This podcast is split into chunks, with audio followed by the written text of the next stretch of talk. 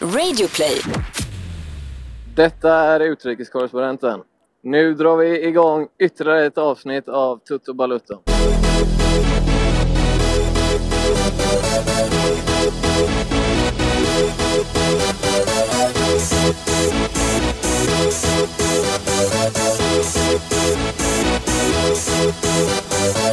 Y'all ready for this? Hjärtligt välkomna ska ni vara till eh, Toto Balutto. Jag heter Gusten Dahlin, mitt emot mig sitter Thomas Wilbacher. Igår var vi i Uppsala, allsvensk upptaktsträff. Nu är det inte lång tid kvar. Du börjar få upp pulsen. Ja, jag tycker verkligen man känner det och speciellt då när man har pratat med spelare och i stort sett alla tränare, sportchefer, som man gör på en upptaktsträff, eh, så, så är det ju så att pulsen stiger lite extra. Och sen så fattar man också lite hur stort det här ändå är. Det är ju lätt att när man jobbar med internationell fotboll, att man rackar ner lite på det sportsliga i allsvenskan, eh, det har vi varit inne på flera gånger. Eh, men när man kommer till eh, Uppsalas kongresshall och då träffar alla tränare och ja, som jag sa sportchefer, alla som jobbar med det här. Det är, det är, det är en stor apparat och det är häftigt att det drar igång nu. Ja, men jag, jag, jag tycker också att det, det finns någonting i Allsvenskan som är svårt att beskriva det. Tycker att Kim Källström lyckades hitta en formulering igår som jag gillade. Jag pratade med honom och det är ju en av våra absolut mest meriterade spelare som har spelat utomlands i eh, 10, 12, 13 år. Eh, sett och upplevt det mesta och han säger liksom, man ska inte, med allsvenskan så ska man inte hålla på och jämföra med någonting. Utan allsvenskan, det är vår liga. Och vi som fattar grejen med allsvenskan, vi fattar grejen. Någon som vill säga något annat, skit i dem. Eh, så det, det där gillade jag. Det är liksom, eh, Ja, men- vi behöver inte få någon annans nådiga nick eller någon annans erkännande. det här är vår grej. Ja, men det är så, allsvenskan är som en liten ö. Alla är medvetna om det, och nu, men nu när det drar igång, alltså mer än någonsin, jag ställde frågan till alla. Hur, hur tycker du att det känns nu? Kim fick sätta det i perspektiv när han var i Allsvenskan senast och då var det bra jävla drag kring Stockholmsderbyna. Eh, och han tyckte att eh, ja, men det var ett större intresse än, än någonsin tidigare. Det har hänt något med Allsvenskan under alla de åren jag har varit borta, var han inne på. Eh, jag bad han sätta det i lite perspektiv med Lyon till exempel då, som har en av Frankrikes bästa kortsidor. Eh, där, där han tyckte att eh, stock, eller, eh, den allsvenska fotbollen stod sig riktigt bra. Eh, men även tränare, ledare som har varit med länge, allt från Jörgen Lennartsson till, till Bosse Andersson, så, som alla tyckte att eh, vi nog pikar i allsvenskan, rent intressemässigt just nu.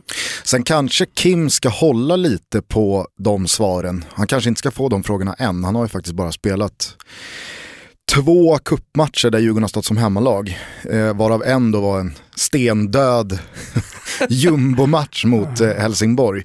Eh, än har han ju faktiskt inte klivit ut på ett fullsatt Tele2 eller på de här fullsatta bortamatcherna mot storlagen. Så att, eh, vi får väl se vad han säger då. Skitsamma, vi återkommer till upptaktsträffen alldeles strax. Det är som vanligt en rad födelsedagsbarn detta datum, 21 mars. Ska vi börja med Ronaldinho som har blivit lite av en eh, Toto Balutto-favorit. Eh, inte postumt, det är väl när man har dött. Men eh, det känns som att jag hade inte samma kärlek till Ronaldinho innan jag gick in i den här podden. Den har väl växt då, det är ju så med kärlek, eller hur? Antingen så avstannar det eller så växer det. Eh, jag tycker Ronaldinho för mig är ju, det har vi varit inne på tidigare, men han är ju inte bara elastik och finten, men den sydamerikanska fotbollen personifierad. Första gången jag kom i kontakt eh, fysiskt, personligen, med den sydamerikanska fotbollen var när jag mötte Rapa Nui och Higgins, eh, alltså chilenska lag i, i norra Botkyrka, sö i södra förorter i Stockholm. När man helt plötsligt såg en fint då, som man egentligen aldrig hade sett förut. För på den internationella scenen så gjorde inte brassar och och eh, ja, men sydamerikaner generellt sett om man kollar på landslag, för det var ju det man kunde se då Eh, när man, eh, på, på 80-talet. Men när Ronaldinho kom så gjorde han ju de här grejerna som de här killarna gjorde i division 5 på den absolut högsta nivån och han gjorde det vägvinnande. En elastikofint ledde till en assist eller till ett mål. Och det var det som, var, det- som jag tycker gör honom unik och därför ska han också bli ihågkommen som, ihågkommen som en av de absolut största fotbollsspelarna. Sen att hans brintid var lite kortare än till exempel Maradonas, än till exempel eh, Leo Messis må så vara, men kollar man på hans eh, season stats, så, alltså, han, han gjorde ändå rätt mycket mål, rätt mycket assist när han var i Milan också. Han var väldigt älskad där. Hade Maradona en så jävla lång brintid? Ja, men du måste komma ihåg att eh, han, han började ju leverera i, eh, i Barcelona redan på tidigt 80-tal. Alltså vi snackar i slutet på Ja, men det var ju, det var ju alltså, tio år, max. Ja, jag, jag, jag kan tycka att han hade, hade hyfsat lång brintid med tanke på den spelartypen han var och på den tiden han spelade fotboll också. För jag menar, mycket mindre än idag så var man ju helt oskyddad av domarna som en teknisk eh, snabb spelare. Idag, idag finns det ändå ett betydligt större skydd för, och eh, fotbollen har kommit Ja, ja. mycket längre. Vi, vi, diskuterar, vi diskuterar ofta domare, eller vi, vi har hamnat i diskussioner med domare, inte minst då den här vintern. Men rätta mig om jag har fel, eh, nu, nu har inte jag riktigt åldern inne för att kunna faktakolla med mig själv, men uppnådde Maradona så jävla mycket efter VM 90? Vi alla vet ju att han, eh, han tog Napoli till eh, ligatitlar i slutet på 80-talet och eh, han tog Argentina till VM-finalen 90. Men efter det, eh, ah, jag, jag, jag, jag vet inte. Här kan man ju gå bort sig rejält. Nej, du behöver inte gå bort det. Jag har full koll på eh, Maradonas eh, karriär. Men alltså vi ska komma ihåg att han, han eh, var fantastiskt bra i Argentina. Det är så lätt att glömma bort det. Han var fantastiskt bra först i, i eh, Argentinos Juniors och, och sedermera då i en säsong i Boca Juniors. Sen kom han till Barcelona. Och där såg ju alla vilken stor spelare Diego Armando Maradona var. Och sen så då från 1984 fram till 1990 eh, hade han ju sex fantastiska år med Napoli. Och jag menar, de åren i Napoli, visst, det var ett bra lag, man byggde ett mästarlag, men på ett helt annat sätt så var ju Maradona spelaren som gjorde skillnaden för Napoli, spelaren som liksom tog Argentina till en eh, VM-final och vann den VM-finalen. Eh, så han, han, han, jag, jag tycker hur bra Messi än är så tycker jag att Maradona på egen hand mer vann titlarna. Ja, ja, alltså absolut. Och, och den där brintiden kanske var eh, lite ja, men längre än den vad var man, eh, hela, vad- hela vad man har för 80-talet sig. i alla fall i, i, i, eh, i Europa. Det kan man ju ändå tycka. Med domarperspektivet i bagaget så kan jag tycka att det är ganska lång brintid ändå. Det är Eller lång, helst- normalt. Det är hur som helst inte El Diego som fyller år, utan det var ju Ronaldinho som idag fyller 37 år. Vi säger grattis till eh, Elasticomannen. Också han som gav frisparken under muren ett ansikte. Mm. Tror den första han slog på den här största scenen var ju hemma mot Werder Bremen. Han är mycket Ronaldinho, han är också den leende fotbollsspelaren. Ja. Fler borde ta efter eh, Ronaldinho. Grattis säger vi också till Ronald Koeman, på tal om eh, Barcelona. Många tydliga profiler, alltså de har någonting. Här har vi elastik och finten, leendet, Ronald Koeman, skottet. Exakt. Eh, han hade ju en eh, vänsterslägga av Guds jävla nåde. Han skickade väl in en sån i den där Champions League-finalen man vann med 4-0 i början på 90-talet. När de hade helt hemskt ställ, Barcelona. Mycket lättare tycker jag när jag växte upp att välja vilka spelare då man, man skulle gilla utifrån sin, kanske sin egen spelstil eller vad man gillade. Ja, eller att spelare förr i tiden var en grej. De var Ja, en egenskap. De, de var en grej. Ronald, Koeman, han var ju liksom... Ingen minns ju hans brytningar, ingen minns ju några passningar, vad han gjorde på planen. Det enda man minns eh, Ronald Koeman för, det är ju det stenhårda vristskottet. Hästsparken. Hästsparken, oavsett om det var straff, skott utifrån, det spelar liksom ingen roll. Nej. Eh, Ronald Koeman alltså som eh, idag eh, gör det bra på Evertons tränarbänk får man ju säga. Ja, Eh. är, det inte återigen då Noah Bachner som har varit väldigt eh, kritisk till eh, Ronald Koeman eh, på tränarbänken i Everton? Ja, så är det. Ja.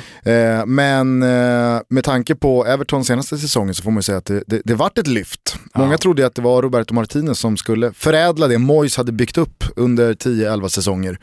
Men eh, så blev det inte. Istället är Ronald Koeman där och eh, excellerar. Ligger väl sexa nu tror jag i Premier League. Vad har vi nästa för så här Nintendo-egenskap då eh, på födelsedagssidan? Ja, det är ju ofta så att eh, det här inte går att applicera på de spelarna som spelar idag till exempel. Antoine Griezmann fyller år idag, han är inte bara Vad skulle reducerad han vara ner i till Blades of Steel? en.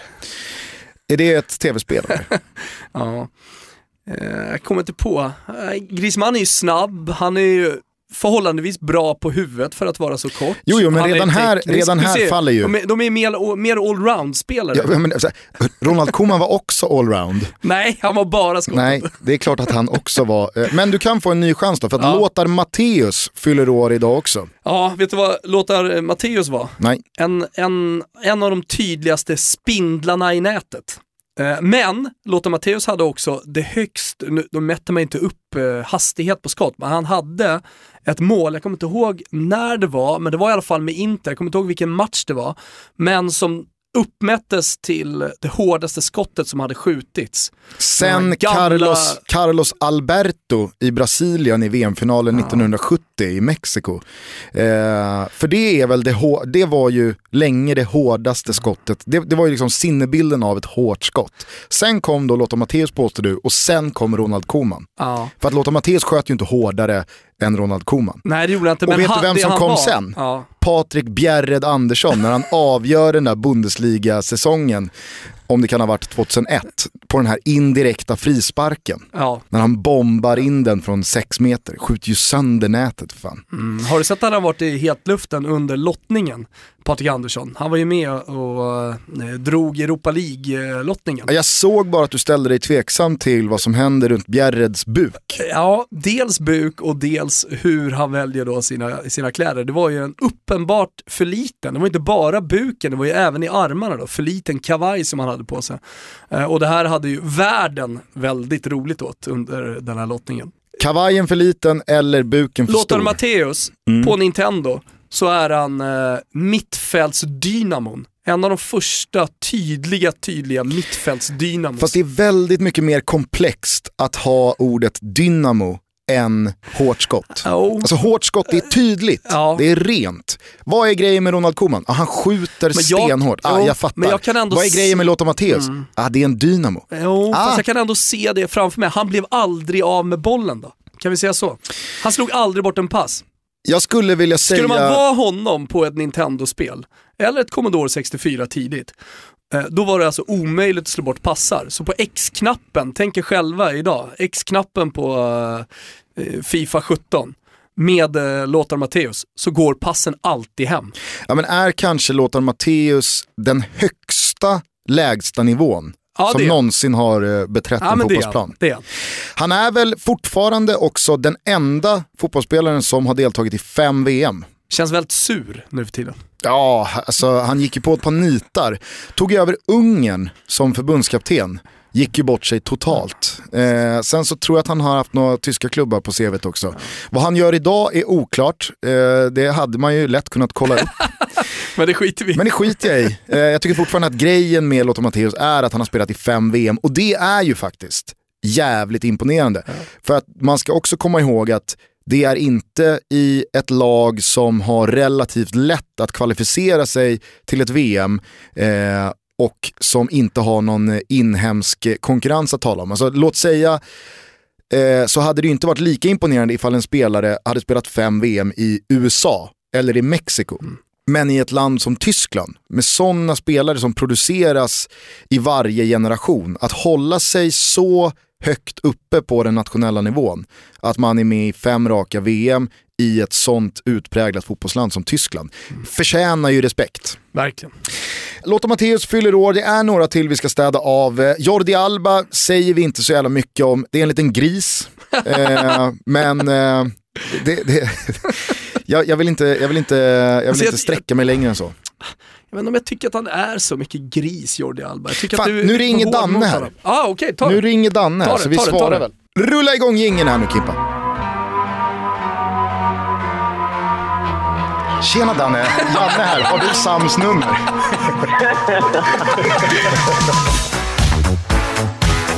Daniel Larsson dunkar in 2-0.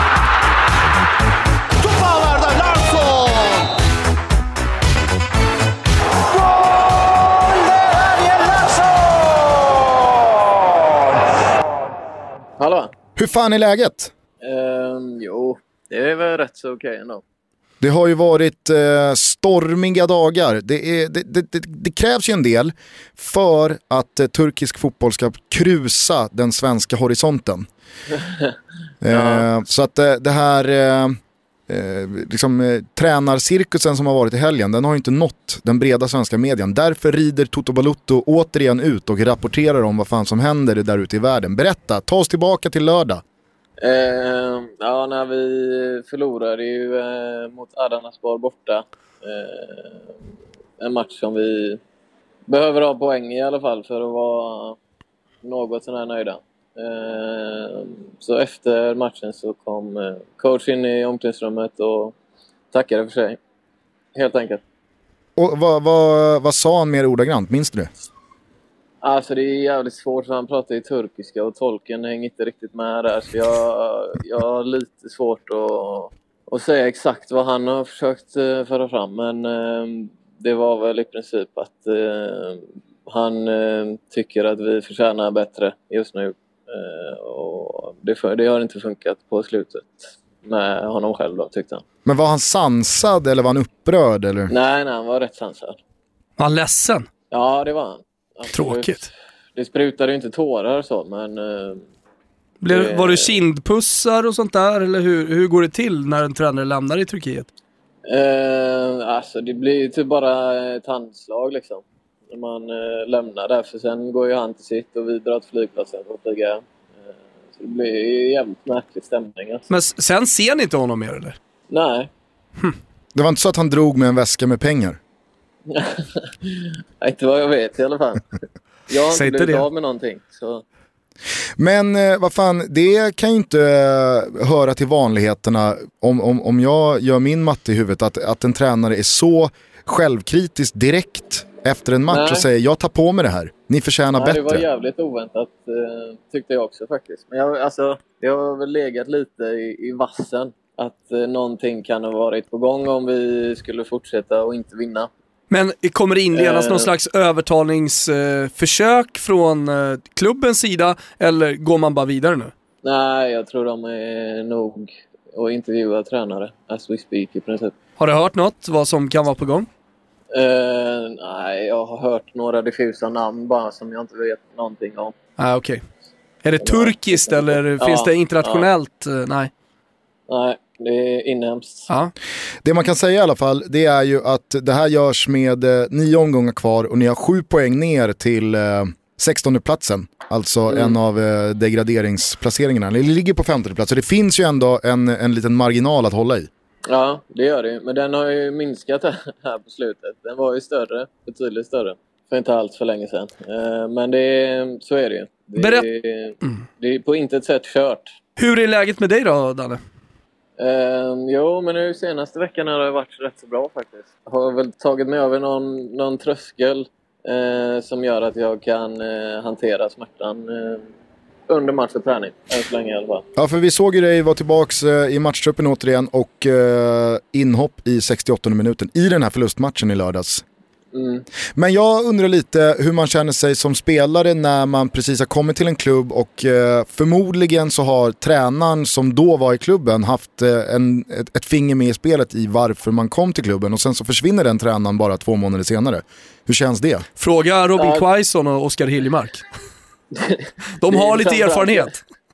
Det är framförallt jävligt tråkigt när jag inte har fått spela någonting. Nej, men Jag precis. varit tillgänglig. Och tro- du har ju och varit en del- att spela för honom. Nej men exakt, du har ju varit en del skadad men du har ju ändå signalerat att det känns som att coach har stor, stor Ja. tilltro till mig. Det har det gjort i våra samtal. Så det, mm, det var ju inte mitt eh, önskescenario på något sätt. Men, Men, eh, eh, men man är luttrad eller? Vad? Ja, det är jag ju faktiskt. Det är inte första gången och förmodligen inte sista gången. Ja, ja, skönt i alla fall att du är tillbaka i, i speltid. Ja, det är härligt. Men du, skit i fotbollen. Danne. Kan vi skita Ja. lite i den nu och helt enkelt bara fokusera på grannen? Vad har vi fått fram mer? har vi fått eh, fram ursprung, höll jag på att säga, var i Italien han är ifrån? Nej, alltså... Han Businessen. Har varit, eh, jag vet inte vad han är. Nej, jag säger det att det är en skum jävel det här. Jag har Han, väl sagt det hela tiden. han ligger ju sänkt i någon jävla det kan mycket väl göra. Jag skulle på inte vara förvånad. Jag har inte sett ett livstecken på honom sen vi pratade Det är sist, alltså. oroväckande. Det här är oroväckande. Har du varit och knackat Ja. på? Nej, men jag har frågat min mäklare som bor där och han, eh, han har också sagt att jag har ingen aning. Men vad fan, du får Och väl, de eh, umgås ändå. du får väl Jag- vara lite svensk i den här situationen och baka en paj och gå över och ringa på. Ja, men då ska man ju passera alla vakter och sånt först. Jag vet inte om de släpper in mig med en paj där. Om du står Hur många där med en- vakter har han? Ja, tre i alla fall. Vad är beväpnade eller? Eh, na... Kanske handledsvapen i innerfickan. Det, ja, det skulle nog Bak kunna i byxlinningen är är b- bra Precis. ställe också. och sen en kniv runt vristen. Ja. Hur många, hur många vakter har du? Vad sa du? Hur många vakter har du? Men ja, jag tror ju inte på sånt. Jag tror inte på våld. Bra. Du, eh, hade vi fått fram något namn på honom? Ja, alltså han heter ju Gianni. Gianni. Gianni, ja. Låter nästan lite grekiskt. Nej, Gianni är ett vanligt italienskt namn. Det är ju som Janne i Sverige. Kan det vara kort för Gianluca? Nej, Gianni. Nej, jag tror han Eh, heter Gianni. Alltså, det, I vissa, i vissa fall så kan det faktiskt vara det. Du kan heta Gianni men det kan också vara faktiskt eh, kortfattat för, eller kort för Giovanni. Eh, Gianni Agnelli till exempel har ett bra exempel på. Men eh, om man skulle ta över det till svenskan så är det ju Janne. Janne kan vi kalla honom. Ja. Men du, eh, kan du inte bara för att måla bilden för oss och våra lyssnare lite bättre, kan du inte hålla upp mobilen och, och fota en av vakterna?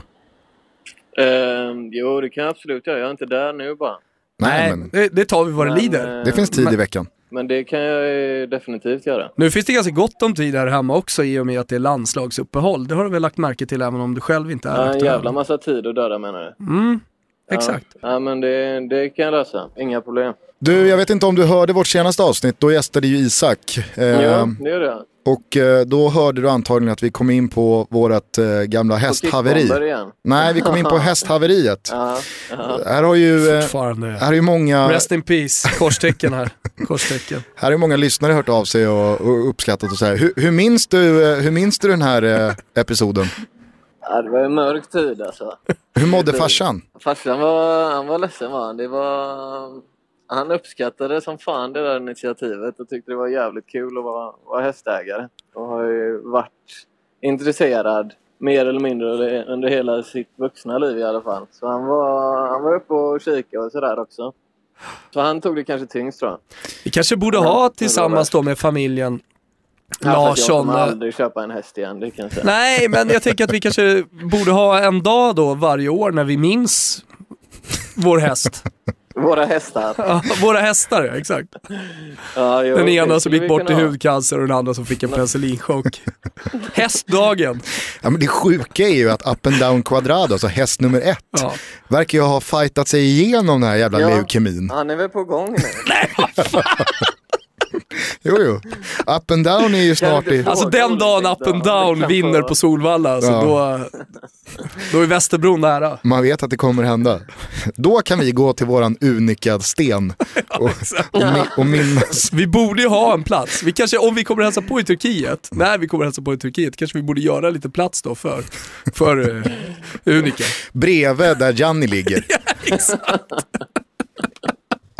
Så minns vi både Janni, gu, gummimafioson och eh, Jag våran ser ändå häst. fram emot att få ett slut på det här. Ett avslut. Man behöver det. Jag måste bara fråga, Ja. nu under landslagsuppehållet, stannar du kvar i Turkiet och tränar med tanke på att du varit skadad eller eh, f- får du... Ja, alltså vi har, Okej. vi har ledigt här nu fram till imorgon. Från i, efter matchen. Men du kommer inte till Sverige något? Nej, jag kommer inte ut ur landet med min familj för de har inte fått sina residenskort ännu. Jaha, ja, sånt där vet vi inte hur det funkar. Men ni är fast i vet Turkiet? Inte de heller. Vi är fast här. Okej. Jag hade i och för sig kunnat lämna, men... eh, Det hade ju varit väldigt osympatiskt gjort. Ja. Och det är jag ju inte. Så. Nej. Eh, men du, eh, är det, är det anarki här nu eller eh, vem, vem leder passet imorgon? Eh, ja, vi har ju en, en del av tränarna är kvar. Eller en av dem i alla fall. Eh, för normalt så är det ju huvudtränaren har- tar hela sitt team, var han nu skriver på här i Turkiet. Men de har en kille som jobbar oavsett då. Med, med tränaren som är där för tillfället. Så han kommer väl leda oss fram tills någonting nytt är klart. Så Ja. det blir inte tolken? Nej, det blir det inte. Men du, eh, från Janni då, önskemålen om eh, ytterligare fördjupning i, i Jannis eh, livsöde, eh, va, Ja. var han befinner sig, till bild på vakterna så hade man ju gärna fått eh, en känsla av hur det ser ut på träningsanläggningen och så. Så om man får, när vi håller på med önskemål, får önska lite bilder Mm. också från träningscentret. Hade varit fint. Ni, ni vill se att allting är sant verkligen? Det känns låter lite som en bubbla. Eller, ja. Ja, Nå- jag någonting är det som inte lirar i allt det här med det, och tränare som går på bortamatcher. Det är skumt Danne, det, det måste du förstå. Jag, jag ska försöka hitta bevis. Allt är mycket skumt. Du, jag hoppas kunna eh, få till en liten kortare intervju med eh, Jan Andersson till vårt nästa avsnitt inför VM-kvalmatchen. Har utrikeskorrespondenten möjligtvis en fråga att skicka med till, eh, till förbundskaptenen? Jag kan fråga om han har mitt nummer. Bra. Det ska jag göra. Ja, men eh, vad fan Danne, vi, vi hörs eh, lite senare. Ja, men det gör vi. Hälsa familjen. Ta hand om er. Hej hej. Ja, Ciao. det. Hej. Ja, härligt är när han bara ringer upp sådär. Ja, det är härligt. Han får feeling. Det var ju mitt i vårt eh, födelsedagssvep, vi är inte klara med det än. Eh, vi hade precis kommenterat att Jordi Alba, det är en liten gris. Eh, så vi lämnar honom därhän. Två spelare till som ska nämnas här, tycker jag. Det är Ali Dai. Vilken jävla klassiker. Alla våra iranska lyssnare har ju någon slags högtidsdag idag. Vad har vi för topp tre fotbollens mustascher? Det är Ali. Dai, det är Rudi Föller, Ian Rush. Ian Rush. Är det de tre? Hade inte Reykjart eh, en fin eh, snorbroms också? Jo, det hade han, men det var inte samma tydlighet Nej. som i uh, Ian Rush, Rudi Föller, men kanske framförallt de- Ali Dai. Nej. Men Det, det, är ju tydligt, det finns ju jättemånga att ta, men om vi ska ta de absolut största här missar vi någon, det är jag helt säker på. Carlo Ancelotti spelade i mustasch va? Ja, men det är ju inte, det är ingen som har minns tillbaka till, nej, han spelar inte jättemycket med mustasch. Han spelar, I Milan spelar han inte med mustasch. Det, Kanske Sam Allardyce Jag tänker på. Han Ja, spelade i mustasch. det är inte Carlo Ancelotti. riktig jävla musche. ja. Eh, nej, men fyll på med fler eh, mustascher medan vi minns eh, Ali Dai. Denna iranska anfallare som, på tal Det om alltid landslagsrekord. refereras till när man pratar om iransk fotboll. Ja, I alla sammanhang. det kanske inte är så konstigt heller. De har ju inte producerat världsnamn på löpande band där borta i öst. Men Ali Dai är alltså, om vi ska tro alla siffror som har eh, flutit upp till ytan, så är det den eh, landslagsspelare som har gjort flest mål för sitt landslag i officiella matcher. 107 stycken. Eh, jag tror faktiskt att eh, det inte är någon ens över 100-strecket. Så eh, det är ensamt majestät. Och det är väl någonstans på 160-170 landskamper. Och så finns alltid det där, jo men vilka lag mötte de egentligen Iran då? Men ett rekord är ett rekord. Och målen ska göras. Målen ska göras. Ali Dai, han gjorde 107 stycken. Det ska vi såklart salutera. Han satte ju inget superavtryck dock klubbmässigt. Var ju i Tyskland några vänder utöver sina iranska klubbadresser. Eh, men lyckades ju aldrig. Tog sig till Bayern München. Men eh, jag vet inte. Det kanske var ett, eh, ett pinnhål upp för mycket på den eh, kvalitetsstegen. Sista namnet att eh, lyfta upp denna födelsedag som är eh, den 21 mars är Michu. Detta mysterium. alltså det här är bland det absolut eh, sjukaste, upp som en sol, ner som en pannkaka. Eh, I elitfotbollen senaste tio åren måste jag säga. Michu kom från ingenstans, eh, gjorde en bra säsong i Rayo Vallecano 2011-2012 tror jag. Och sen så plockades han till Swansea som eh, på den tiden var eh, väldigt nya i Premier League. Eh, säsongen 2012-2013 så är han, jag skulle vilja påstå, Premier Leagues bästa spelare. Han bär ju Swansea som eh, nia. Han har ju spelat mycket mittfältare i, i, i Rayo, men eh, i, i Swansea så bara, han öser in mål, han ser ut som en av seriens absolut bästa spelare och eh, hamnar efter det på lån med köpoption i Napoli. Där allting bara liksom, det bara stannar av. Jaha.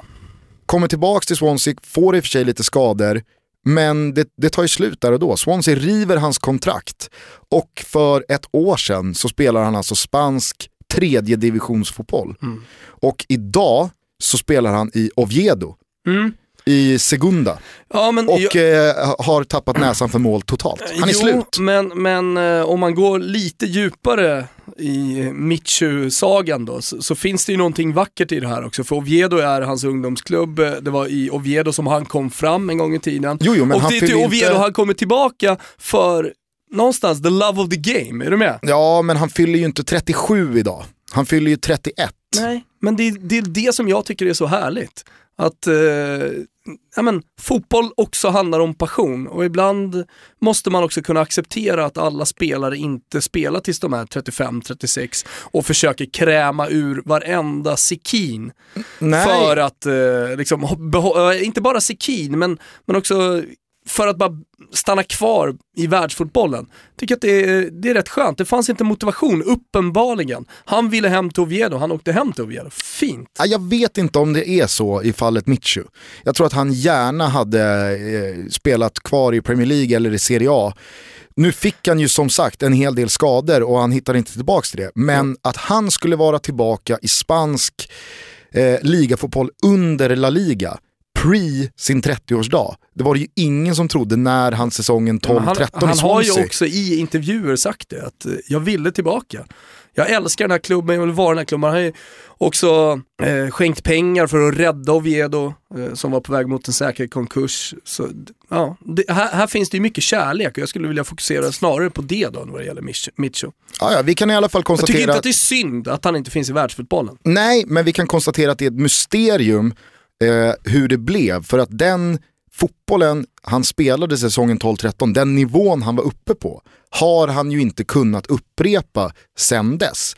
Inte ens i eh, sin älskade hemmiljö. Och- Eller velat. han vill inte. Han vill inte göra mål. Han Han vill vill, hem. inte prestera eh, speciellt bra. Eh, mysteriet Micho säger vi i alla fall stort grattis till och med det släcker vi ner födelsedagsfirandet och recapar lite vad som har hänt eh, de senaste dagarna där ute i Europa. Spänn fast dig. Oh, Bundesliga avgjordes definitivt under helgen då Emil Forsbergs Leipzig åkte på sin andra raka förlust. 3-0 borta mot Werder Bremen, som nog det kommande nyförvärvet Ludvig Augustinsson jublade in. Bayern München slog dagen efter Borussia Mönchengladbach och avståndet mellan de regerande mästarna och nykomlingarna är nu hela 13 poäng. Carlo Ancelotti kommer inte gå titellös från sin första säsong i Tyskland. I Premier League var utöver Chelsea som bara vinner och vinner och vinner, Tottenham och Manchester United omgångens stora vinnare. Arsenal förlorade och City och Liverpool delade lika på poängen i regnet och de vita liljorna från London kunde via 2-1 hemma mot Southampton glida upp i eget majestät på andra platsen. Man gjorde det dock utan skadade Harry Kane och efter värste konkurrenten Lukakos två nya mål för Everton ser nu belgaren ut att ta hem skytteligan. Det lär däremot bli hans sista kassar för Everton då ett nytt kontrakt uttalat är långt bort. I Spanien knappade Atletico Madrid in på Sevilla och direktplatserna till Champions League genom en blytung trea mot San Paulis gäng och en riktig mardrömsvecka var ett faktum. Kanske är den stora skillnaden på etablerade topp-topplag och lagen precis bakom just den avsaknad på bredd i truppen och förmåga att ladda om som Sevilla visade upp på Calderon. Idel segrar för topptrion Juventus, Roma och Napoli i Italien och det mest spännande med ligaavslutningen lär bli kampen om Europa League-platserna. Mellan fjärdeplacerade Lazio och sjundeplacerade Milan skiljer det ynka fyra poäng och däremellan hittar vi dessutom Inter och Atalanta. I Frankrike har Nice efter sitt andra raka kryss halkat lite efter och ligatiteln ser nu ut att bli en ren duell mellan Monaco och PSG. Kylian Mbappé gjorde två nya strutar i söndags, men han har fortfarande 15 mål upp till din gubbe Tompa. Edinson Cavani på 27. Vad var det du sa i augusti? Se det hända. Vi avslutar i Grekland. Marcus Berg avgjorde det glödheta Aten-derbyt mellan Panathinaikos och Olympiakos med matchens enda mål och de rödvita från Pireus inkasserade i och med det sin fjärde förlust på sina fem senaste ligamatcher. Jag sticker ut hakan och påstår att det inte kan ha hänt på 20, 30, äh, vad fan 50 år. Men ingen fara på taket. Trots den usla resultatraden har man 6 poäng ner till andra placerade Panionios, så visst 17 ska man kunna lösa ännu en ligatitel om man bara stannar lite i den engelska fotbollen. Eh, jag satt och kollade på Chelsea, som jag inte tycker imponerar jättemycket. Eh, men man vinner matchen med ett sent mål, man spelar utan Hazard här. Eh, där är väl ligatiteln klar också, misstänker jag. Ja, alltså det var väl den här omgången det skulle kunna ha blivit spännande i och med att Chelsea och City möts eh, den 5 april. Eh, men nu, det betyder i alla fall, det jag ska komma, alltså, be betyder att det är avgjort i Tyskland, det är avgjort i Italien och det är avgjort i Premier League. I Spanien är det som alltid Real och Barca och sen så Sevilla då som har stuckit upp och hotar kommer ju inte räcka, det fattar man ju. Nej, det, och det var ju som jag sa här, alltså, det var ju väldigt tydligt på Calderon Ja. eh, i mötet mellan Atletico Madrid och Sevilla Ja. att Sevilla kommer inte orka. Alltså det, det, någonting dog förra veckan. Ja, någonting dog förra veckan. Eh, vilket då gör Frankrike till den enda intressanta ligan om vi pratar om ligatitlar. Och om man nu inte Är- tycker att det är intressant att det kommer stå mellan Real Madrid och Barcelona. Eh, ja. det är klart att det är intressant, men det, det är ett klassikomöte. Det, det, jag menar bara, det, det är som varje år där. Eh, PSG eh, har ju visserligen inte alltid vunnit eh, ligan jätteenkelt de senaste åren, men det, det, det är någonting fräscht med Monaco. Och jag skulle ändå vilja säga att Nice är med lite i den matchen. Ehm, så jag vet inte, det, det finns någonting tråkigt med det här. Att eh, så många ligor är avgjorda. Alltså i italienska ligan har man ju vant sig vid de här, eller vant sig, men man, man, minns ju eh, kriget i slutet på april och i maj när de sista fem omgångarna verkligen hade betydelse. Eh, det, det, det är någonting som, som är jävligt deppigt med att fotbollen har kommit dit. Absolut. Å andra sidan kan man väl säga som då att eh, allsvenskan rider in här som, eh, Faktiskt. som en, en förtröstans riddare.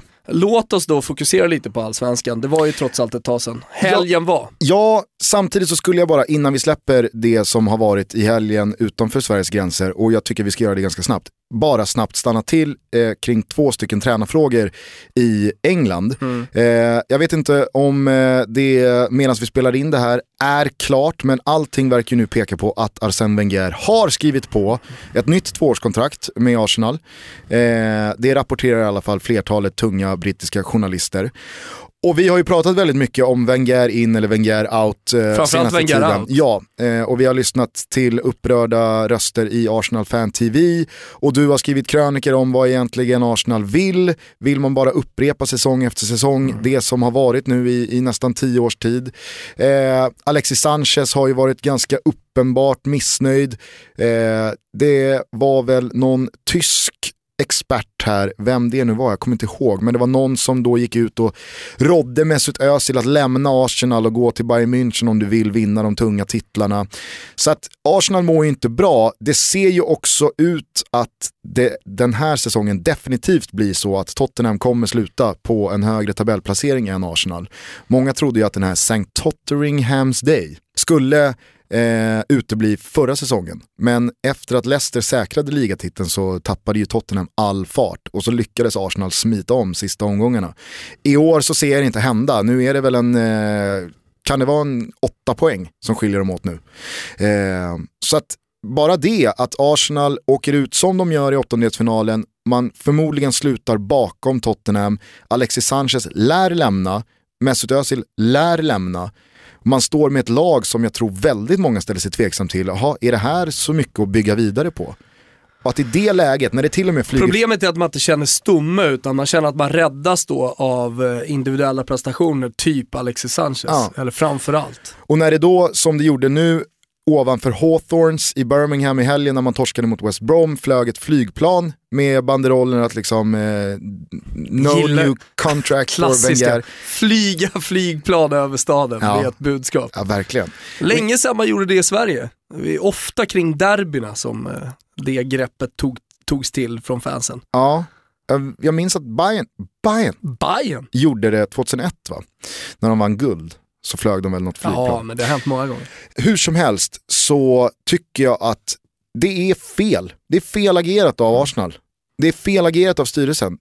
Jag, jag, jag fattar inte hur man kan ta det beslutet. Nej, det, det, och det är nog ingen som gör, men låt oss vänta in det här så kanske vi kan köra en Arsenal-special. Få, få tag på den här killen som har varit med i Arsenal TV och prata med honom här i Toto Balutto. För att Ja. höra han eh, säga det direkt till oss. Det kan ju inte vara helt omöjligt att få tag på honom. Nej, kan man få tag i Danne Larsson så kan Du man vet få tag Danne, i... vet du vad Danne Larsson är? Nej. Han är på Nintendo, den snabba killen. Han är han är ju, han är en smal, lång, snabb är han. Svagt. Nej, det är inte, det är inte svagt. Det är inte lika tydligt som Ronald Komans Om man skulle skott. göra ett Nintendo för allsvenskan och Danne spelar där, då skulle han ju vara den snabba spelaren. Ja, förmodligen. Ja. Eh, Va, vad gör han i Turkiet? Han är där för att han är snabb. Jo, men jag säger bara att det, det, det är inte lika solklart, det känns inte lika klockrent som Ronald Komans hårda skott.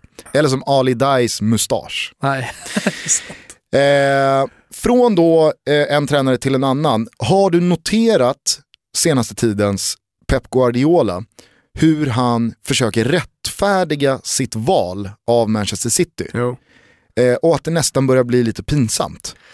Det blir alltid, alltid pinsamt när man går lite för långt. Mm. Vi alla kan ju historien. Pep Guardiola eh, tog ju eh, Barcelona till eh, en helt fenomenal eh, trippelsäsong hans första år som huvudtränare. Prenumererade på titlar där, lämnade för Bayern München, nådde aldrig riktigt fram till Champions League-bucklan men ran, vann väl tre raka Bundesliga-titlar, eh, tyska kuppen och så vidare. och så vidare. Nu tog han Manchester City, många ställde sig frågan till, kommer han verkligen klara av det här?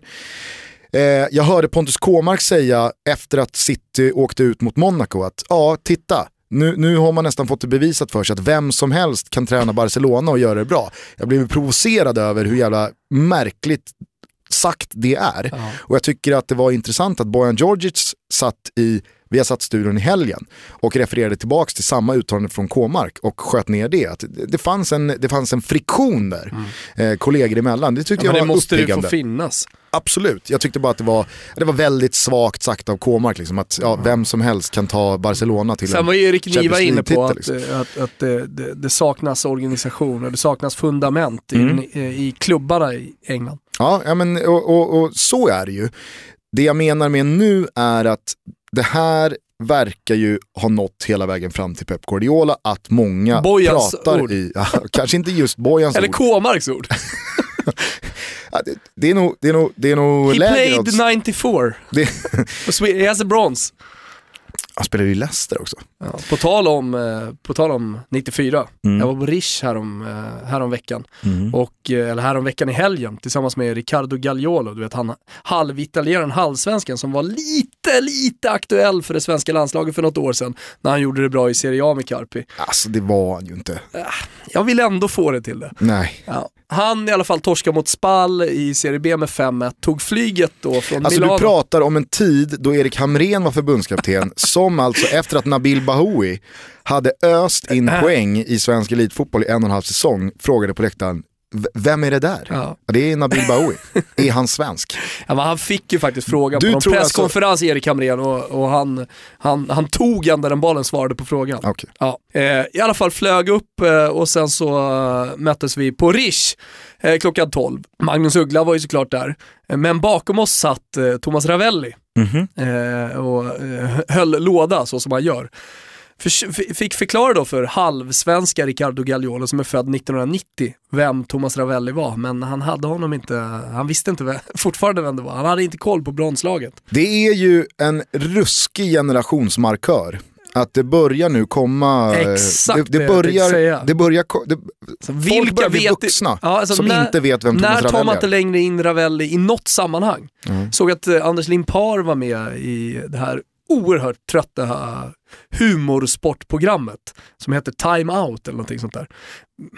Anders Limpar, är det någon man kan referera till idag? Jag har ju alltid gillat Anders Limpar. Det, Ja, ja. jag, jag, jag ville ju att han skulle lira 1994. Sen är det ju svårt eh, att i efterhand när man sitter med ett, eh, med ett brons eh, hävda att Tommy Svensson gjorde fel. Men Ja, nej, jag men är det- en av få kreatörer i det Vi laget. kan väl säga så här, av ren uteslutningsmetod-tänk, om folk har börjat eh, gå vidare från Thomas Ravelli så är det ju inte omöjligt att man har gjort det även med Anders Limpar. Nej det är det inte, men det är många många inte minns, nu ska vi absolut inte prata 94, vi ska komma tillbaka, men det många inte minns då att det, det var ju mer eller mindre upprorsstämning i Sverige när Anders Limpar inte fick spela och träbenet Claes Ingelsson eh, eh fick starta match efter match. Ingelsson. Ingesson. Eh, nej men, det, det, jag, det minns ju inte du, du är ju född eh, 89. Jo, jo, men, det minns men, jag. Ja, du, minns, du, du, du har följt eh, efterspelet i alla fall och, och man kan ju läsa sig till sånt också, du är väldigt intresserad av fotboll. Men, men eh, jag kommer ihåg med mina kompisar, det, det var ju det vi satt och snackade om. Hur kan Claes Ingesson få spela och inte Anders Limpar? Det vart väl också så att en plats på det där mittfältet togs av Thomas Brolin för att Kenneth Andersson var för bra. Kenneth ska spela, hur gör vi med Brolin? Sätt honom till höger. Mm. Så blev det ännu tajtare om de där Går platserna. alltid, går alltid att lösa situationer när man har bra spelare i laget. Mm. Angenäma problem, vad var vi? Jo, vi ska tillbaka till Pep Guardiola för att nu har ju det här börjat nå honom och, och jag vet det är inte min spaning här. Men det jag tycker är intressant är att Pep Guardiola i sina uttalanden nu försöker rättfärdiga sitt val av Manchester City. Han har då till exempel efter den här matchen mot eh, Liverpool senast sagt att när jag stod där i regnet på Etihad och såg mitt lag äh, nu, nu citerar han nu inte, men det var det här som hände. Spela 1-1 hemma mot Liverpool och vi missade massa chanser och vi var jävligt svajiga bakåt. Så var det en av mina absolut finaste stunder som tränare. Det, det, var så här, det, det, kan det inte vara. Varför skulle det vara det, Pep? Han säger ju det, Han säger dessutom sen på presskonferensen efteråt när han får frågan om John Stones som kostade väldigt, väldigt mycket pengar i somras. Det kan ingen säga någonting om. Han kan säkert komma att bli hur bra som helst för Manchester City. Det säger jag ingenting om. Men han har stått för en oerhört svajig säsong. Han har varit långa perioder direkt dålig. Det här får Pep Guardiola en fråga kring och han säger att John Stones, han har fan mer pungkulor än någon i det här rummet. Jag är så oerhört imponerad av John Stones. Han är liksom, det, det, det är the guy. Det, det, det är fullt förståeligt att man skyddar sina spelare, det är fullt förståeligt att man skyddar sig själv, men det blir ju lite, det, det blir lite löjligt kan jag tycka när han nästan ska racka ner på alla som ifrågasätter svaga resultat, svaga prestationer med att idiotförklara folk. Det blir en dålig eftersmak kan jag tycka.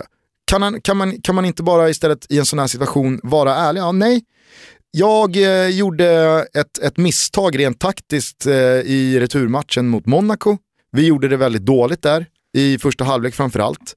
Eh, liksom, att spela 1-1 hemma i ett viktigt möte med Liverpool hemma på Etihad i duggregn kanske inte är min lyckligaste stund som manager. nej. Och John Stones har faktiskt inte varit. Han spelar ju något slags spel här. Pep Guardiola. Det är Ja, helt klart. Jag tycker bara att, eh, vad blir nästa grej? Vad blir nästa grej? Kommer han möjligtvis eh, komma ut som, alltså, nästa gång jag ser Pep Guardiola, kanske har han på sig en Oasis-tröja. Jag säger så här, Jag har alltid älskat Oasis. Min, min, min favoritlåt är Gas Panic. Det kommer ju ingen, ingen kommer tro honom. Vi hoppas ju såklart att ingen heller har missat eh, nu när allsvenskan står för dörren att man tävlar om allsvenska biljetter eh, i maj månad till valfri match om man är med och eh, kör Toto-trippen tillsammans med oss. Eh, det är ju eh, chans på Sekiner, Barubas, härliga Dineros men också alltså en plus en matchbiljett till valfri match. Eh, och det spelar ingen roll om Toto-trippen sitter eller inte. Ny, nya tripplar att vänta i nästa avsnitt inför VM-kvalhelgen som stundar här. VM-kval, eh, alltså kvalspel som vi har jobbat med mycket. Eh, Jag har, jag har faktiskt eh, sett väldigt mycket av VM-kvalet på Discoverys kanaler nu under, både, eller under, under hösten och eh, sitter och gör jobbet just nu. Det kommer en vass Toto-trippel till helgen. Mm. Häng med på den och var med i utlottningen också om då allsvenska biljetter. Tack till Betsson som fortsätter vara med oss i Totobåten. Tack Betsson. Upptaktsträff i Uppsala på kongresshallen. Det var maxat. Det var ganska mäktigt att sitta i den där kongresshallen. Eh, mindre mäktigt det som hände på scen. Ganska intetsägande får man ändå tycka. Så blir det ju ofta. Mm. Och, Få frågor som ska ställas. Det var någon slags mentometerknappar eller någon app som man skulle då tycka till om. Eh, en fråga per lag. Det var vad det var, men hur som helst så tycker jag i alla fall i, i, på minglet då när man fick eh, gå runt och ställa frågor. Eh, att, det, att det kändes som att eh, många var redo för allsvenskan. Det, det har varit en lång försäsong som det alltid är i Sverige, eh, men när man ställde frågorna så, så kändes det som att det fanns, eh, fanns en energi i hela det här rummet. Eh, anna- annars är det ju lätt att det blir lite så här mässstämning. Det är ju lite som att vara på båtmässan när, när det är sådana här upptaktsträffar. Alla har varsin monter och så får man då gå till den här montern och, och ställa frågor. För alla er som följer eh, Toto Balottos Instagram så kunde ni se att Elfsborgs monter var draperad i Per Frick. Ja, det var den. Kändes ju väldigt bra i hjärtat. Ja, det var inte Viktor Prodell. Jag hittade inte Prodell Nej. på, på någon vepa. Och jag ställde ju den frågan till eh, Haglund också. Vem är det egentligen som ska göra målen i år? Är det Per Frick eller Viktor Prodell? Och vet du vad han svarade? Ja, kan han ha dragit till med att de får gärna båda göra mål? Ja, men han, han, han sa att de kan faktiskt spela tillsammans, för annars har det ju varit den ena eller den andra. Om det inte är så att man i slutet på matchen blir väldigt offensiv, för man måste då ta tillbaka ett underläge. Eh, men eh, man är lite svårt att se de två starta tillsammans i alla fall. Så eh, då, då får vi ändå tro då på det draperandet från Elfsborgs sida att eh, det är Per Frick som är number one guy. Det jag tar med mig från upptaktsträffen, det måste jag säga är den oerhörda skillnaden i hur folk pratar och eh, eh för sig kring eh, Östersund nu jämfört med bara ett år sedan. För jag var på den upptaktsträffen för ett år sedan och då var det liksom, man klappade Östersund lite på huvudet, sa ja ja, nu är ni allsvenskan. Eh, alltså, ni, ni kommer kriga för nytt kontrakt. Alla trodde de skulle åka ur direkt. De stod, på själv, de stod själva på scen och pratade om att men, vi tror att vi kan bli ett topplag. Om eh, tre, fyra, fem år, jag kommer inte ihåg vad de sa, så ska det vinnas guld och folk nästan garvade. Eh, det var ingen som, eh, som hade den uttalade var ingen som garvade respekten igår. Marcus Verkligen. Rosenberg nämnde ju Häcken och eh, Östersund som två, de två utmanarna. Ja, och sen så är inte vi dummare än så att vi fattar att Marcus Rosenberg inte gärna ger det till AIK eller till. IFK Göteborg att, att hålla dem som främsta utmanare. Men det säger någonting om någonting att Marcus Rosenberg nämner Östersund, att folk pratar om Nej, det var ju det som Östersund. bubblade i lokalen. Ja, och jag- Östersund och Häcken. Ja, och jag tror att alla som har följt den här svenska kuppen eh, är ju helt överens om att Östersund är fullvärdiga finalister. Eh, tillsammans då med Norrköping som, som också, eh, alltså, det, Norrköping omgärdas ju av väldigt mycket respekt. Alla uppskattar ju deras fotboll, det är ett väldigt harmlöst lag. Det är, det är svårt att tycka illa om Norrköping, de sticker ju inte i någons ögon på något sätt. Men trots SM-guld 2015, trots en tredjeplats i fjol, trots att man har fått behålla stora delar av truppen, eh, så är det ju liksom, det, det är ingen som kan tänka sig att Norrköping vinner guld. Nej, eh, faktiskt inte. Och när man pratar med eh, Jens Gustafsson så säger jag att han nästan trivs i den situationen att eh, i år då äntligen då ligga återigen i bakvattnet. Att inte ha några stora förväntningar på sig.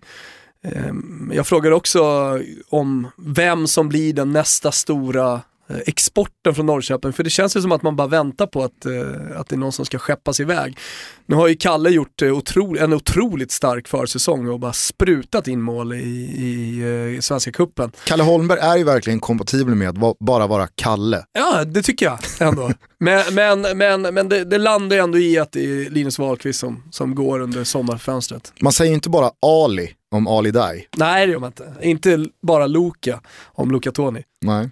Eh, nej men alltså Norrköping är ju, det är ju det är ett, det är ett unikum. Det har aldrig funnits ett sånt tydligt topplag som är så oerhört kompetenta. Som också har visat i Svenska Kuppen att man besitter väldigt, väldigt mycket.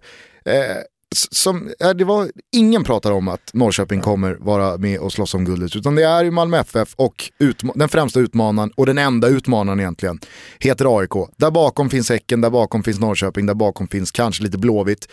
Om vi nu eh, inte ska gå på Staffan Lindeborgs spår, eh, vart ju en eh, historia i sig då, när Staffan Lindeborg kritiserar eh, maktordningen nästan i svensk fotboll. Eftersom folk höll Det Häcken... är för dåligt, säger han också om IFK Göteborg. Ja, och det, det, det bottnade i då att eh, expertisen och eh, klubbarna själva då i de här mentometeromröstningarna håller Häcken som bäst i väst. Eh, och det, det ruckar ju på Staffan Lindeborgs världsbild att Blåvitt måste ju såklart vara Göteborgs bästa lag. Ja, stora händelser annars under eh, den här upptaktsträffen var ju att AIK kallade till presskonferens och det sista som konferenser Jesper Hufsfeldt säger på scenen är att ja, nu om 10 minuter, 15.00 alltså, så är det presskonferens i AIKs monter. Där stod Stefan Ishizaki uppställd tillsammans med Mikael Alerup, VD, eh, och Björn Westerholm. Man undrar vad de ska presentera ett nyförvärv. Har de lyckats smuggla in ett nyförvärv? Så kan det inte vara. Det började ju tisslas och tasslas om Ja. Nabil Bahoui. Ja, ja, exakt. Eh, men i och med att Ishizaki stod där uppställd så tänkte jag i alla fall tanken att eh, han då skulle på något sätt säga att det var sista säsongen eller vad vet jag, skulle släppa någon bok eller ja, någon, någon, någon slags eh, grepp som AIK skulle ta och det gjorde man också. Eh, och framförallt då var det ju från Åbros sida eh, Eh, att man eh, sista året faktiskt, eh, efter 23 år som huvudsponsor för AIK, tröjsponsor, lämnar till nästa år. Och det här är ju då sprunget ur en konflikt med eh, Friends Arena där, där det är väl Carlsberg som, eh, som sponsrar allting där. Eh, men- hur som helst, det här sista året då lät man AIK bestämma vilken organisation man skulle vilja ge då platsen. Och man valde, i sviten efter också Ivan Torina, att ge det till Hjärt-Lungfonden och det var det som presskonferensen handlade om. Eh, men det, direkt efter, Men det, det, det, det det, är väl en schnitzel från oss? Ja, det, ja men det, är veckans schnitzel, jag skulle komma dit. Eh, Det är absolut veckans schnitzel. Jättefint gjort av, eh, av Åbro bryggerier. Men de tog ju tillbaks... Det tar väl eh, Åbro på Gustav? Men de tog tillbaks utrymmet sista tio omgångarna, du det? De Nej, ska ju men- bara ha hjärt och lungfonden första 20 omgångarna. Ja, fast det, här är etapper. Så du vet inte vad som kommer hända. Det kommer hända fler grejer. Ja, men. Åbro släpper ju inte sista tio, det vet du. Låt oss se vad som händer. Eh, det, det, det ska, jag pratade med sa att det, det kommer etapper här Mhm. med, med fler eh, initiativ då från AIK. Men det intressanta var ju då direkt efter att Jasper Husfeldt har satt, eh, sagt det här, hur, du, du pratar om surret och rykten om Nabil Bahoui, men, men det det framförallt gjordes, det var ju suckas och stönas. Ah, typiskt AIK. Det var från spelare, det var från tränare, sportchefer och journalister. Alla suckade så. Garvade. Det är typiskt AIK. Ska alltid vara värst. Mm. Ja, ja, men eh, så är det ju.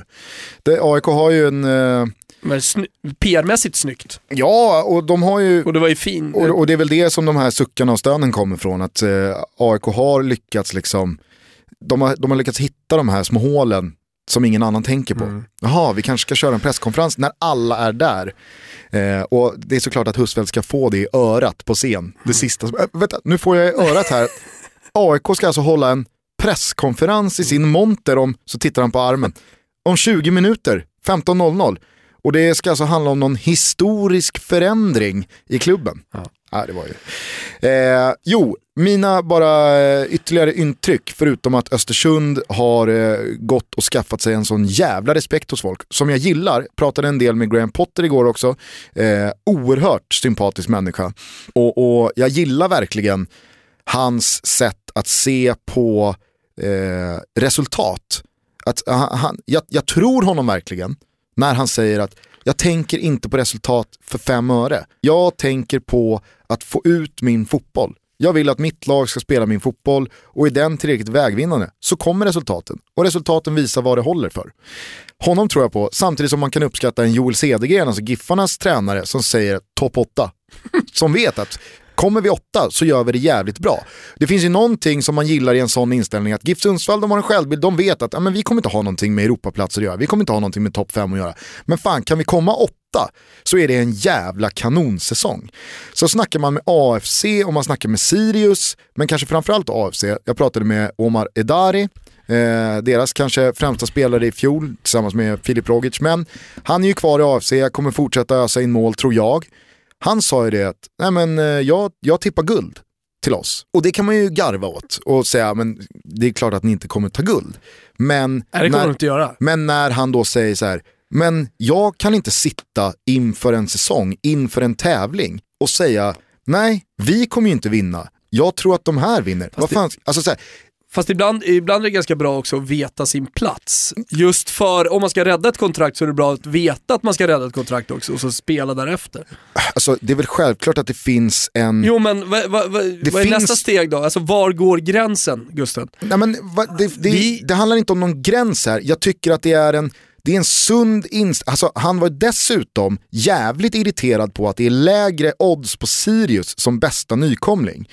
Han sa att vi slog Sirius eh, liksom båda matcherna i fjol. Vi är bättre än Sirius. Jag fattar också vad du menar att om självbilden är för skev så kan det säkert slå tillbaka. Men jag gillar inställningen han har att, ja men vadå, ska jag, ska jag hålla på och säga, ja men jag tror att vi blir tolva. Det, det kan inte jag gå in i allsvenskan med och tänka. Jag säger vi vinner. Jag säger, vet din plats. Men, eh, eh, på tal om då saker som man ta med sig från den här upptaktsträffen. Våren har ju så sakteliga börjat komma till Sverige. Vi börjar tina upp och med det så fylls i alla fall jag av en massa vårkänslor och betydligt mer kärlek än vad jag haft. Eh, jag, inte, jag tror du har märkt av det Gusten, jag har varit rätt irriterad de senaste två månaderna på lite allt och alla. Jag tror inte det har kommit ut i podden jättemycket. Men nu börjar jag i alla fall känna de här vårkänslorna och de börjar också prägla mig. Eh, och när jag lämnade upptaktsträffen igår så gjorde jag det med väldigt mycket kärlek och det var flera grejer. Men framförallt då min sista intervju med Marcus Rosenberg som jag gjorde. Eh, Marcus Rosenberg som jag i ett läge, sista omgången i Allsvenskan eh, för två år sedan när han drog en armbåge i femte minuten eh, mot Norrköping och kallade honom för idiot, fick eh, halva Malmö på mig. Jag tror ingen tweet jag någonsin har dragit har fått så mycket uppmärksamhet som, som den när jag kallade Marcus Rosenberg en idiot. Eh, men när jag står där och pratar med honom eh, så känner jag ändå jag känner stor kärlek till Marcus Rosenberg. Jag tycker att han är en jävla härlig kille och det har jag egentligen tyckt hela tiden. Alltså den typen av spelare som verkligen representerar en klubb, det har vi varit inne på tidigare, allt från Kennedy Bakircioglu till Nisse till Marcus Rosenberg. De är, de är ju speciella och de blir färre och färre i världsfotbollen. Det är någonting som jag också eh, håller lite som unikt i allsvenskan, att, att eh, så många klubbar ändå har de här klubbikonerna. Eh, och som i alla lägen också representerar klubben eh, och, och, och med, med, sin personlighet. Ja, men så känner jag ändå som aik när jag står och pratar med, eller när jag pratar med Marcus Rosenberg att jag, ja, men jag kanske ska fortsätta på det här spåret och bli ännu mer kärleksfull när, när eh, våren nu kommer Gusten. Så jag har bestämt mig för att då visa det här konkret för dig och kanske att någon vill haka på så har jag valt tre grejer som jag har irriterat mig på väldigt mycket. Eh, och istället välja att omfamna det här mm -hmm. och, och, och tycka om det. Det är ju jättesvårt. Det är inte så att jag helt plötsligt nu kan börja gilla Djurgården. Jag, det, det, finns en gräns här också. Men, men en sak som jag, jag, jag då kommer att göra under den här allsvenskan, det är att jag, jag kommer minnas den här intervjun med Marcus Rosenberg, när han log mot mig. Och jag kände nästan lite, ja men det pirrade lite i kroppen när han log och kollade in i mina ögon. Förstår du? Det var, det var mer än, jag ska inte säga att det var sexuellt, att jag blev attraherad av honom. Men, men det var mer än, än, än bara att uh, han verkade vara en trevlig kille. Är du med? Ja, ja. ja. Så jag, jag kommer eh, under hela den här allsvenskan tycka om Marcus Rosenberg. Även när han drar en armbåge på Nisse. Ja, det, kommer, det kommer bli en prövning. Jag hoppas inte han gör det. Eh, eh, en annan grej då som jag, som jag har valt att, eh, att jag, jag, ska omfamna här framöver, det är eh, det jag kallar för memes. Memes. Ja, mm. memes. Det är, jag, jag har ju avskytt det här med memes. Och jag har också sett att du har börjat med det och då, då har jag varit ganska hård mot dig. Nej, jag har kört GIFs. Ja, men, nej, jag menar vill, GIFs, förlåt. Väldigt stor skillnad på GIFar ja. och memes. Du ser, jag blandar ju till och med ihop begreppen. Jag kan gilla båda, men det är framförallt GIFarna som jag är emot. Ja. Det, är de jag ha, det, är de jag, det är de jag verkligen hatar. Alltså, inte, hatar inte, Sunds, inte Sundsvall? Nej. Inte de GIFarna? Nej. Eh, på Twitter och så. Alltså jag, jag hatar dem extremt mycket. När, när du lägger ut en GIF, då, då vill jag strypa dig. Mm. Och det är ingen överdrift alltså. Så mycket hatar jag de här GIFarna. Men nu, nu, nu ska jag tycka om dem. Ska du, rent av, ska du rent av börja använda det då? Det, det är ett för stort steg just nu. Men, men, men jag kommer att, som alla gör, småle lite, äh, lite åt dem. Sen mm. pratade jag med Jörgen, Jörgen Lenn. När, när Marcus Rosenberg skickar iväg en superarmbåge och släcker ner Nisse, då kommer din första GIF. Kanske göra det.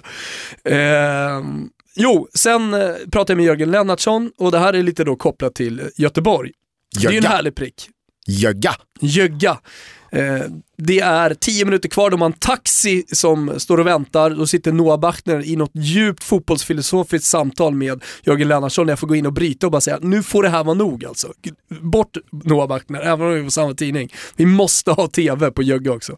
Men eh, någonting man gör i Göteborg som jag verkligen har hatat, det är att säga kex. Så från och med nu kommer jag bara säga kex istället för kex.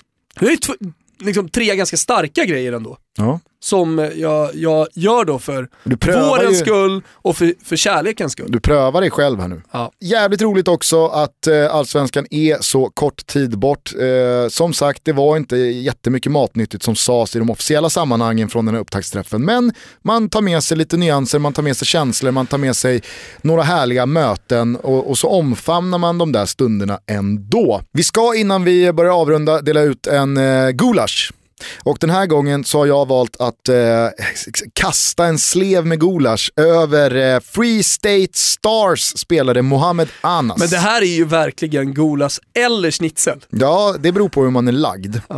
Eh, för att bara eh, måla bilden lite tydligare så eh, den här ghananska spelaren, han har gjort en jävla bra insats i eh, matchen mellan Free State Stars och Ajax Cape Town. Det har spelats 2-2 och i en efter matchen intervju så får han då chansen att eh, dedikera sitt mål och tacka den personen eller de personerna som har eh, betytt eh, mycket för honom i hans liv. Och eh, då slinter han lite med tungan om vi uttrycker oss försiktigt. And I appreciate my friends also. My wife and my girlfriend. Yeah, I mean my wife. Yeah, sorry to say. I'm so, I'm so sorry. My wife, Lizzle. I love you so much. Aya, i love you so much from my heart. Ne? So. Ja, du hör ju hur nervös han blir här när han hör sig själv säga I like to thank my wife and my girlfriend. Uh, I mean my wife. vi lyssnar på det en gång till. And I appreciate my friends also. My wife and my girlfriend. Yeah, I mean my wife. Yeah, sorry to say. I'm so, I'm so sorry. My wife, Lizzle. I love you so much. Aya, I love you so much from my heart. Ne? So. Paniken i hans ögon också, för han börjar ju rikta sig själv, han börjar ju rikta blicken in i kameran istället, ta sig mot bröstet. Alltså det, är, ja. det, är en, det, är en, det, är en slarvig, det är en slarvig jävla groda som eh, hoppar ur här.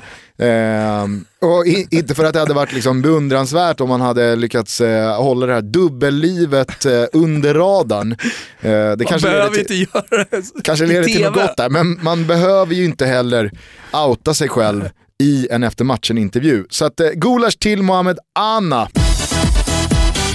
Det tror jag var allt för eh, Toto Balotos 59 avsnitt. Landslagsvecka, som sagt, alltid lite segt. Man har ju blivit eh, oerhört eh, bortskämd under årets första månader med matcher måndag, tisdag, onsdag, torsdag, fredag, lördag, söndag. nu när man kollar tv-tablån här måndag, tisdag, onsdag, jäklar vad svalt det är. Alltså. Ja, det kan vara lite skönt också att man hämtar andan. Mm. Det är ju oerhört intressanta sydamerikanska VM-kvalmatcher natten mellan torsdag och fredag. Där ligger ju Argentina pyrt till. Ja. Eh, av tabellen att döma, blir jävligt spännande att eh, se.